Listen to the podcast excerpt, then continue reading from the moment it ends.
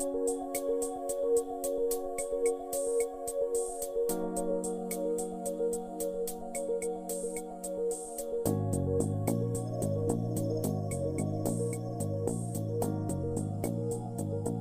сонсогч та бүхнийхээ өнөөдрийн амглан айлтгая. За үндэсний тайм сэтгүүл Eagle Radio 91.1 хамтран бэлтгэдэг Тойм юу өгүүлэг подкастын шинэ дугаар эхлэж байна. За студиуд үндэсний тайм сэтгүүлийн ерхий эрхлэгч Фран Гэрэл нийтлэлч Тойм жишээлэг төмөр нар ажиллаж байна. За өдрийн мэнд хүргэе хоёроо. Өдрийн мэнд. За бид 526 дахь дугаараа энэ удаад уншиг сонсогч та бүхнийхээ гартаа тавьж байгаа. Тэгээ сэтгүүлийн маань энэ удаагийн дугаарыг манай нийтлэлч жишээлэг төмөр өгсөн байгаа. За энэ дугаарт маань онцлог ямархуу материал орсон бэ? Онцлог нийтлэл маань. Онцлог нийтлэлийг манай нийтлэлч бат сайхан бичсэн. Одоо ер нь бол одоо ерөнхийслөгч хөрөлсөх одоо ерөнхийсэд байхаас эхлээл хүнснийхээ хэрэглээг дотоодоос хангах ёстой гэдгийг ярьж эхэлсэн. За тэгээд энэ ковид гээд бас энэ хүнсний хомсдол бас үүссэн тий. Тэгэхээр ер нь бол дотоодоос хэрэгцээг хангах шаардлага байна гэдгийг бүр сайн одоо олон нийтэд ойлгуулсан баг ковидын үе. За тэгээд ерөнхийсэд бол ерөнхийлөгч хөрсөх бол ерөнхийсэд багтаа бол одоо хүнсээ экспортлно гэж дуурж ирсэн. За бид нар одоо Монгол улс далайд гарцгүйч одоо хүн далайд гарцтай тий хоёр том хөрш байна. Тэгээ хоёр том хөрш рүү бол хүнс экологийн цэвэр бүтээгт хүнс экспортлно гэж ярьж ирсэн. Одоо бол ерөнхийлөгч босныхаа дараа сая чуулганд мэдээлэл хийхдээ бол экспортлыг экспортлыг гэсээ жахан хурсан илүү хөрсөн дээрээ буусан юм шиг хүснийхээ хэрэглэлийг дотоодоос хангая гэж ярьж гисэн. Тэгэхээр манайх бол яг хүнснийхээ нийт хэрэглээний одоо дийлэнх хувийг импортоор авч байгаа бол экспортлыг гэдэг бол за яг хуу зөв. Гэхдээ одоохондоо бол эхлээд дотооддоо хангах хэрэгтэй байна гэдгийг а бацаахан бол нийтлэлээр онцлсан байгаа. За тэгээд дотооддоо хүнсийн хангахад бол одоо айл өрх өөрсдөө одоо хашаанда ногоо тарихтай өрхийн үйлдвэрлэл явуулахаас эхлээд л хүнснийхээ хэрэгцээг дотоодоос хангах нь чухал байна гэсэн тийм нийт тийм 7 юм санаа дэвшүүлсэн тийм нийтлэл байгаа.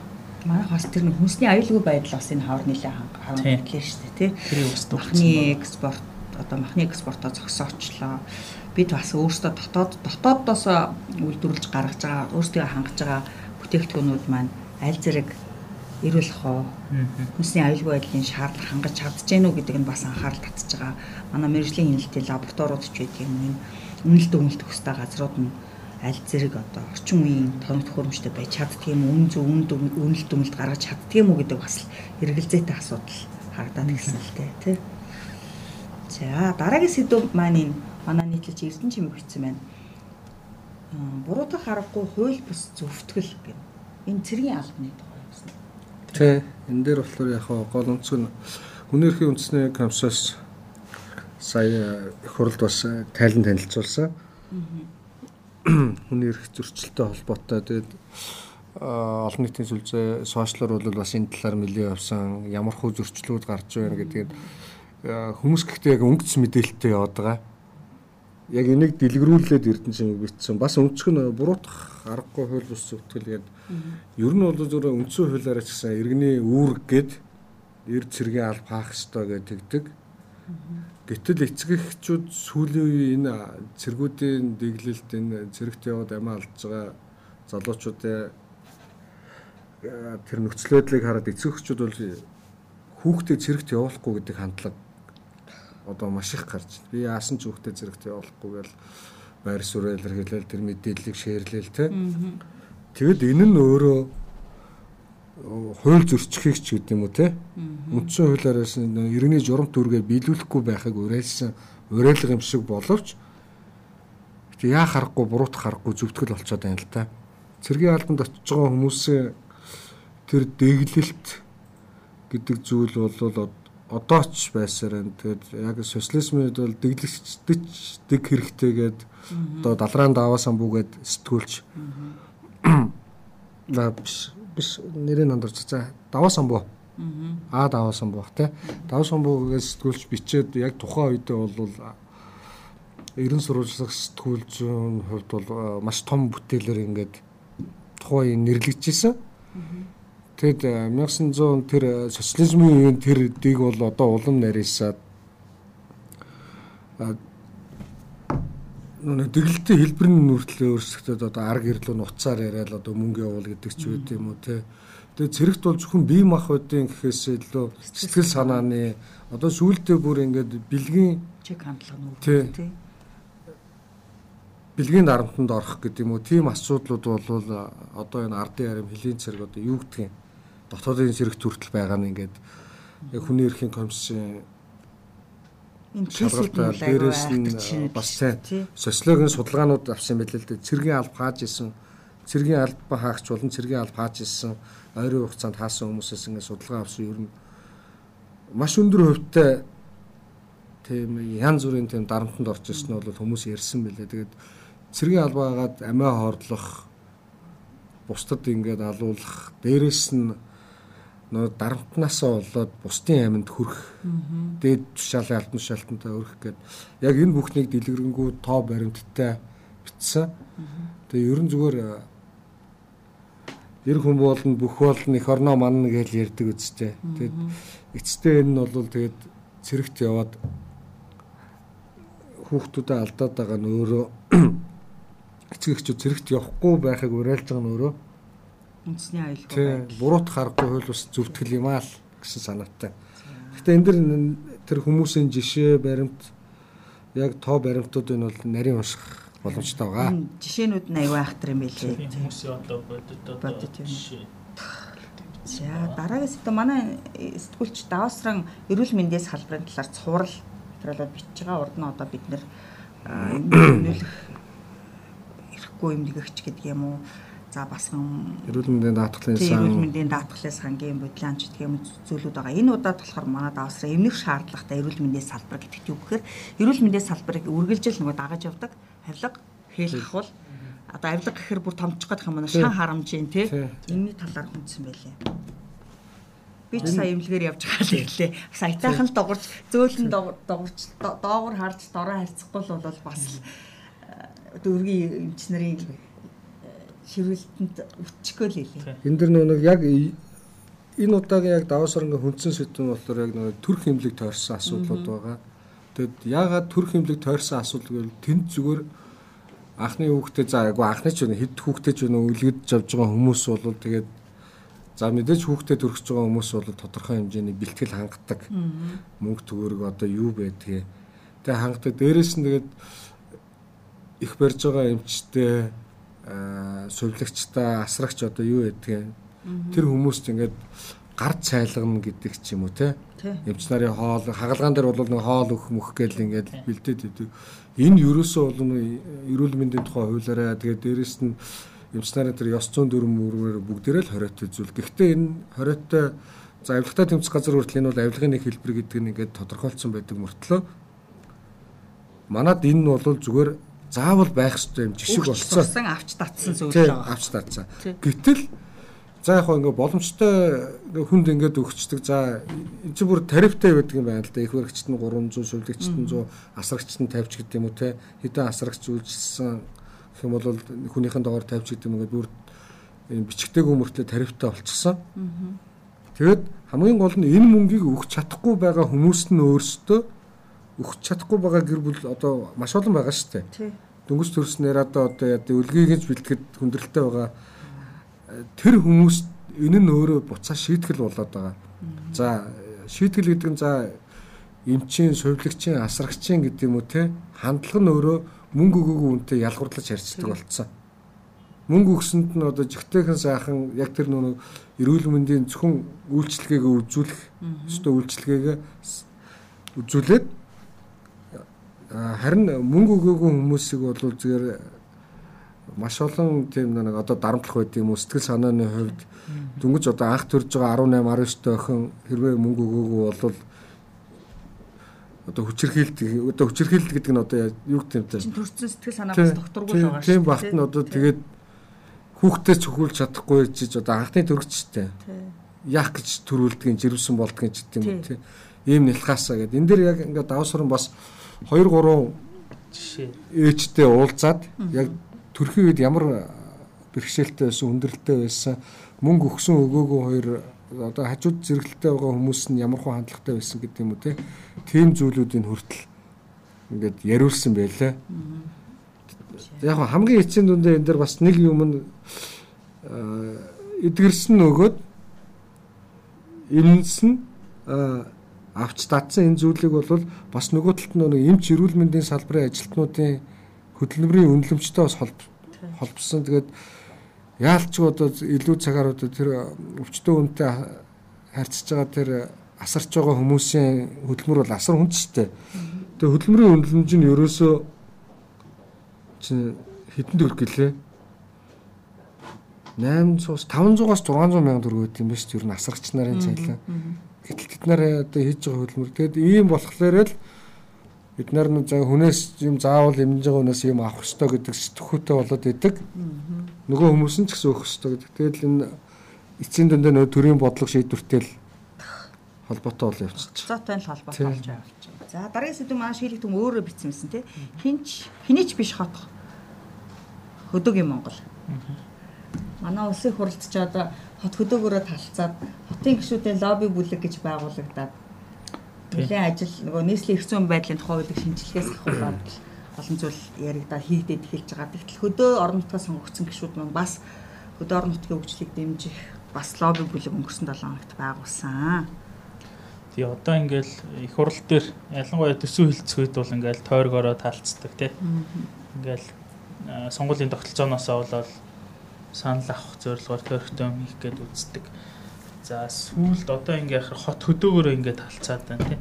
За хот хөдөөгөөрөө талцж байгааг нь тойргороо талцаад ингээ тойргороо ингээд мөнгө авахыг харахад бол ингээ нэгдээд байгаа юм шиг тий хот хөдөө. Тэгтээ бол энэ хот хөдөөгөөр нэг ингээд явж яах гэдэг бол улсын одоо засгийн одоо юм нэгдсэн бодлого бас урагшлахгүй байна л гэсэн үг шүү дээ. Хөдөө заавал тийм юм орон юу Улаанбаатарт заавал тийм ингээл яадаг хоорондоо ингээд хэрэлдэж мууддаг. Нийгмийн сүлжээгээр хүртэл өчигдөр хоёр гишүүн тий анзаарсан бол манай сонсогчдод хоёр гишүүн бас л нөгөө нэг тусгай замын галт тэрэг гэлөө тэрний асуудлаас болоод хээл авах бие 2 сая долларын 2 сая долларын авилгын асуудал хүүхдүүд хоорондоо бие бинийгээ хинж үний яриад байгаа гүтгэдэж байгаа мó гүжиртэй идэж байгаа мó ил цагаан одоо нийгмийн сүлжээгээр маргалдаад хэрэлдээд л гисэн бэлээ.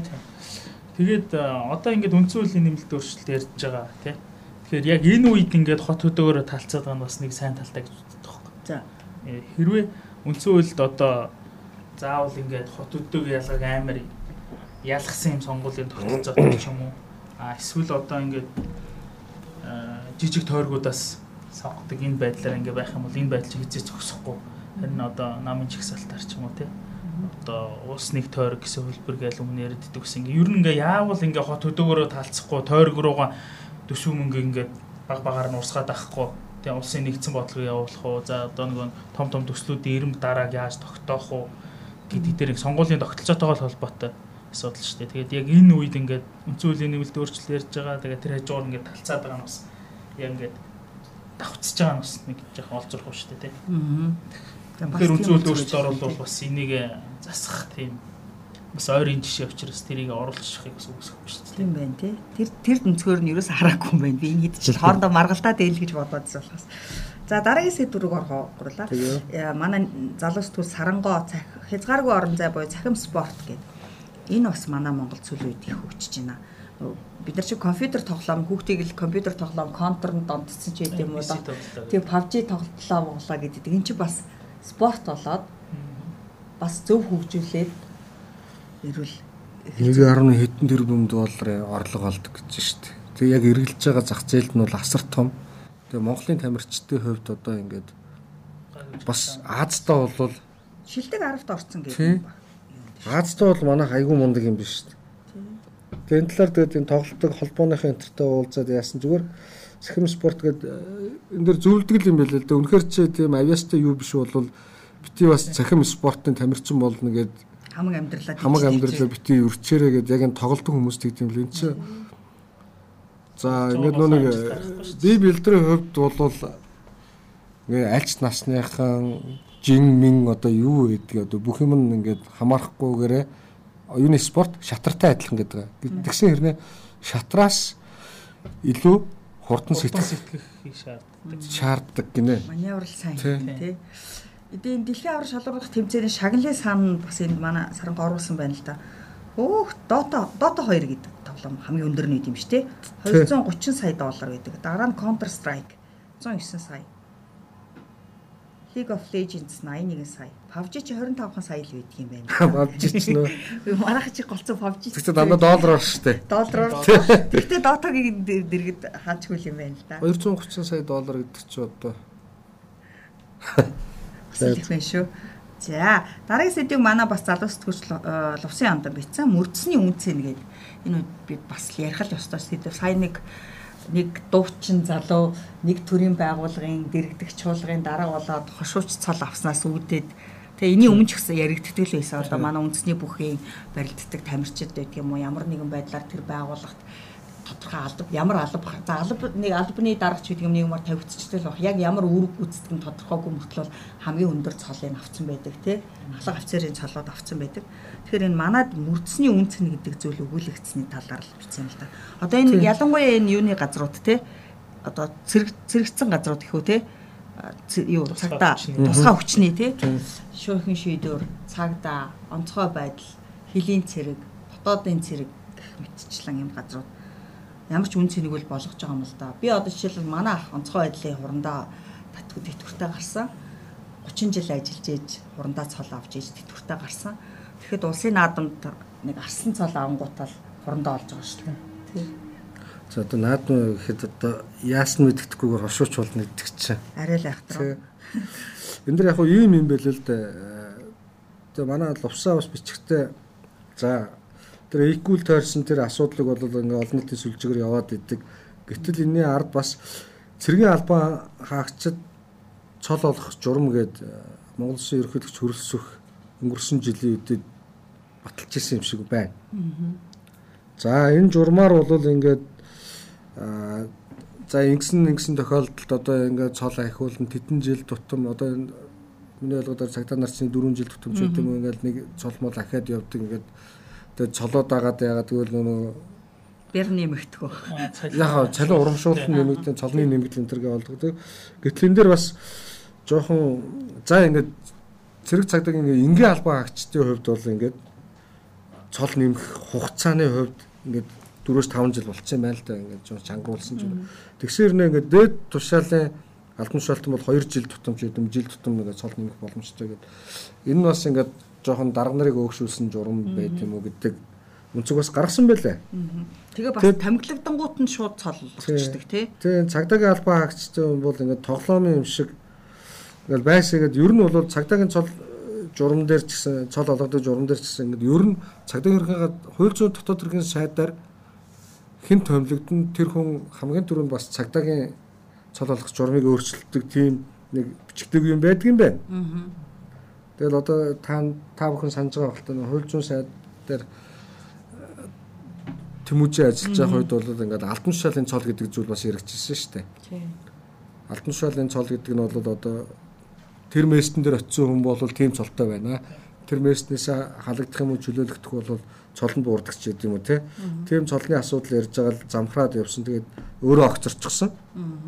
Тэгэд яг тэрнтэй холбоотойгоор маш олон хүн бас цол авч ирсэн ингээд тоо баримтаа ингээд хурандаа цол авч ирснийг лувсаа утсан байлаа. Хурандаагаас дээш цол ах доош цол авахгүй гэдэг бах өө манай тэр даргаар тавилагдчих байгаа болсон. За дараагийн сэдв тэд буюу одоо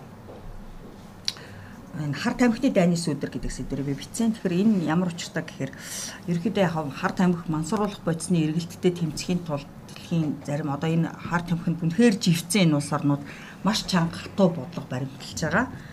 Одоо Филиппин ч юм уу те Мексикч гэдэг юм ийм улсууд одоо сүүлд Эл Сальвадор гэдээ бас бас хатуу бодлого баримталж байгаа. Гэхдээ үүний цаана хүний эрх гэдэг зүйл асар их орхигдож байгаа уландаа гიშгдэж байгаа гэдэг сэдвийг л хүнцэн. Тэгэхээр сая Эл Сальвадор гэдэг улсад хар тамхины дайн бас зарлаад ерөнхийлөгч нь 2 сарын хугацаанд 36 мянган иргэнэ ямар ч ял шийтгэлгүй зүгээр авчир шоронд хийцэн. Аа. Тэгэхээр яг би одоо ингэж жишээлбэл энэ бас энэ Эл Сальвадорын нэг сэтгүүлчийн өгсөн ярилцлагын дотор ишлэлээр орсон байлээ л дээ. Тэр хүн мөрдөн байцаалт ч явагдахгүй. Би одоо жишээл би нэг дургу өрнө шүү нэг хүнд. За би энэ нэг хүнд энэ миний одоо дургу хөглөөч гэдэг юм ингэж бодонгоо шууд уцтаад одоо тэр хотын гудамж талбайгаар дүүрэн самбар байна гэж аахгүй. Та одоо ингэ манай мэдээлэл өг. Мэдээлэл өг хар тамхины дайнтай тэмцэхийн тулд таны тусламж хэрэгтэй байна. Урамшуулал аваараа гэд ингээл битүү одоо манай энэ нөгөө нэг бензин колонкууд шиг ингээл битүү юутай сам сурчлагын самбар тэгвэл одоо би нэг дургу хүргэсэн хүнийгээ эсвэл зүгээр с ิจ гтэй харагдсан хүнийгээ шууд залгаал уцтаал хэлдэг. Тэгэхээр тэр хүн шууд ямар ч өмгөөлөгч авах хэрэггүйгээр шууд л шоронд хаягдаг. Тэгээ Салвадор гэдэг улс чинь дэлхийд гэмт хэргийн гаралтаараа толгой цогтөг номер 1 байдаг. Тэгээ ерөөсөө нийт хүн амынх насан турсан хүн амынх нь 2% шоронд сууж байгаа. Тэгээ дахиад 36 мянган хүн нэмэгдээд одоо шоронгоо шорон нь багтгаа байсан. Нэг камерт одоо 100 муу гарч ирдэг ч юм аа тий. Гэх мэтчлэн. За мөн Мексик гэдэг улс саяхан бас өнгөрсөн сард зарласан 50 жилийн хугацаанд 60 оноос хойш ихтэй гэж байгаа. Ялангуяа энэ сүүлд 1900 2006 онд тухайн үеийн ерөнхийлөгч Филиппе Кальдерон гэдэг хүн бас Америк нэгдсэн улсын дэмжлэгтэйгээр хар тамхины дайн гэдэг зүйл зарласан. За ингээд өнгөрсөн энэ 50 жилийн хугацаанд 100 мянган хүн алга болсны 20 мянган сүүлийн 10 жил алга болсон хүний тоо. Дандаа сургуу алга болсон. Яасан гэхээр бас л хар тамхины дайны дайн нэртэй одоо цэргийн ажиллагаа баривчилгааны үеэр ямар ч одоо хууль цаазгүйгээр шүүхгүйгээр амиа алдсан одоо шарилж олддгүй тийм олон мянган хүн байдаг. За дараагийн жишээ нь болохоор Филиппин гэдэг улс байгаа. Дүтэртэ гэдэг нэлээд популист ерөнхийлөгч бас л хар тамхитай дайн зарласан. Тэгэд одоо Дүтэртэгийн үед чинь хар тамхины дайны үеэр амиа алдсан хүний тоо хэдэн мянгад хүр 8 мянга хүрлээ гэдсэн. Наадах чинь бол яг тэр рафига тэдний агентлаг нь бол үгүйсгдэг юм билий. Энэ бол зөвхөн Дүтэртэгийн гаргасан тоо гэдэг. Би бас яг энэ юугаар нэг Филиппин яваад яг энэ сэдвийн өрөөнд бас тэдний сэтгүүл центртэй уулзаад ярилцж ирсэн зүгээр Филиппиний арт түмч ерөөсөө ингээд юу яадаг юм байна. Хар тамхи бол ингээд маш олон гэр бүлийн амьдралыг бол ерөн сүрүүлж ирсэн. Хар тамхинд орсон маш олонтой. Тийм учраас ингээд Дүтертэг анх амлалт өгөөд ерөнхийлөгчийн сонгуульд нэр дэвшээд за ингээд Манилагийн иргээг болвол би хар тамхичдын цогцоор дүүргэнэ. Тэгээд тийм учраас тэр хавийн загснууд их цатгалан тарган болно. Тэгэхээр та нар гоё ингээд дандаа тарган загс идэж амьдрын шүү гэд яриад амлалт өгчээсэн. Тэнгүүт нөгөө хүмүүс нь ерөн зүгээр хар тамхитай айгүй шудраг тэмцэхнэ гэдэг байдлаар саналаа өгөөд сонгочихсон чинь яг тэр ярьсан зүйл нь бодиттой болсон. Зүгээр л цагдаа хүчнийхэн тэгээд өөр юу байдгийг бүгдэнд нь хар тамхитай холбоотой асуудал дээр эсэргүүцэл үзүүлсэн тохиолдолд буудах эрхийн газар дээр нь буудах эрхийн бүгдэнд нь олгочихсон. Бүр гаалийнхантай ортол олгосон байж тээ улсынхаа хэлээр хар тамхи нэвтрүүлвэл гадны иргэн ч байсан хамаагүй бууд гэсэн шүү. Тэгээд ерөөсөө тэр арга ирээ алдсан хүмүүс энэ тэр ярьж байгаа зүгээр л ингээд шүн цагдаа нар нь ингээд янз бүрийн маск цаас зүтсэн яадсан ингээд орж ирээл гудамжинд явж байгаа хүмүүсээ тэгэл буудаал буудаал алцдаг. Тэгээ одоо жишээ нэг хар тамхичныг алгах чинь ингээл мэдээлэл авсан хэлсэн гэдэг юмар явж байгаа л гэр бүлээр нь хөөс центрцсэн. Тэгэд энэ дээр ерөөсөө тэр зураг мураг нь олсон нүд хэлтрэм юм билээ шүү дээ. Тэгэд ингээд э, гудамжнуудаа ингээд яатсан тэр би нэг харж байсан. Ингээд хар тамхинаас болоод ингээд цагдаа нар яг цагдаагийн ерөнхий газраас нь гаргасан тийм юу байгаа байхгүй. Ингээд тоонууд тэгэхээр ингээд айгүй цөөхөн ингээд урд чинь бол ингээд тийм хар тамхины бүлэглэн төр гэдэг юм ярьдаг.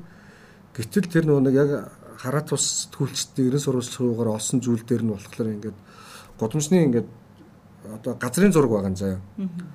Тэгээ ингээд улаан хэсэг, ногоон хэсэг гэд ногоон хэсэг нь бол маш жижигхэн газар.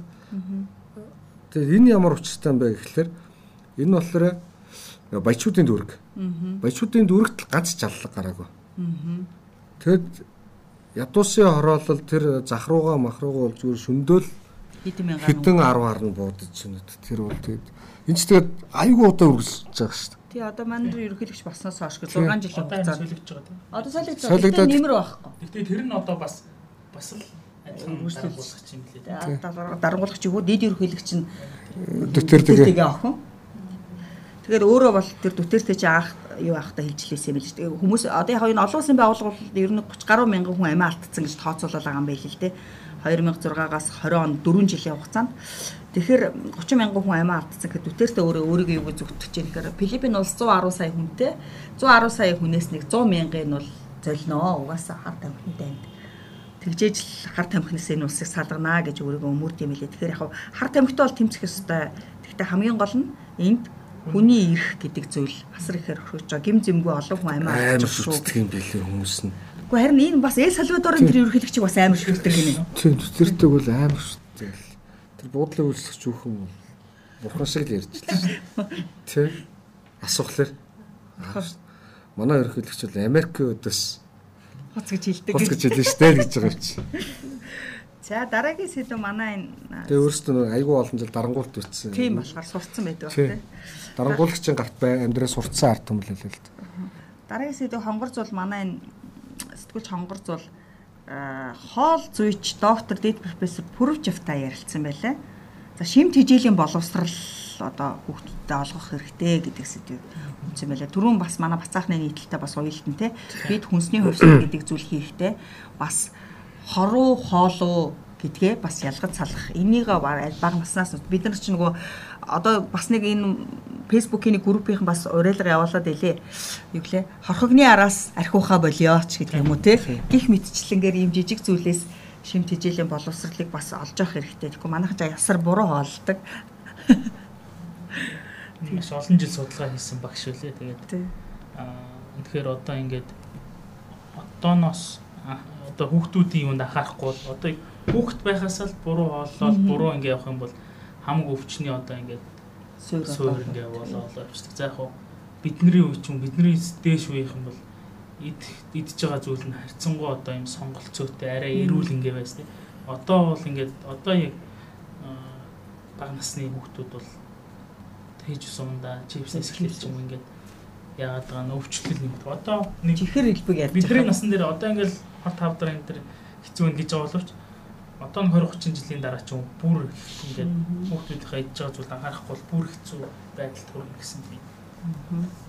Энэ их зүгээр юм билээ. Ер нь бол хэвээр.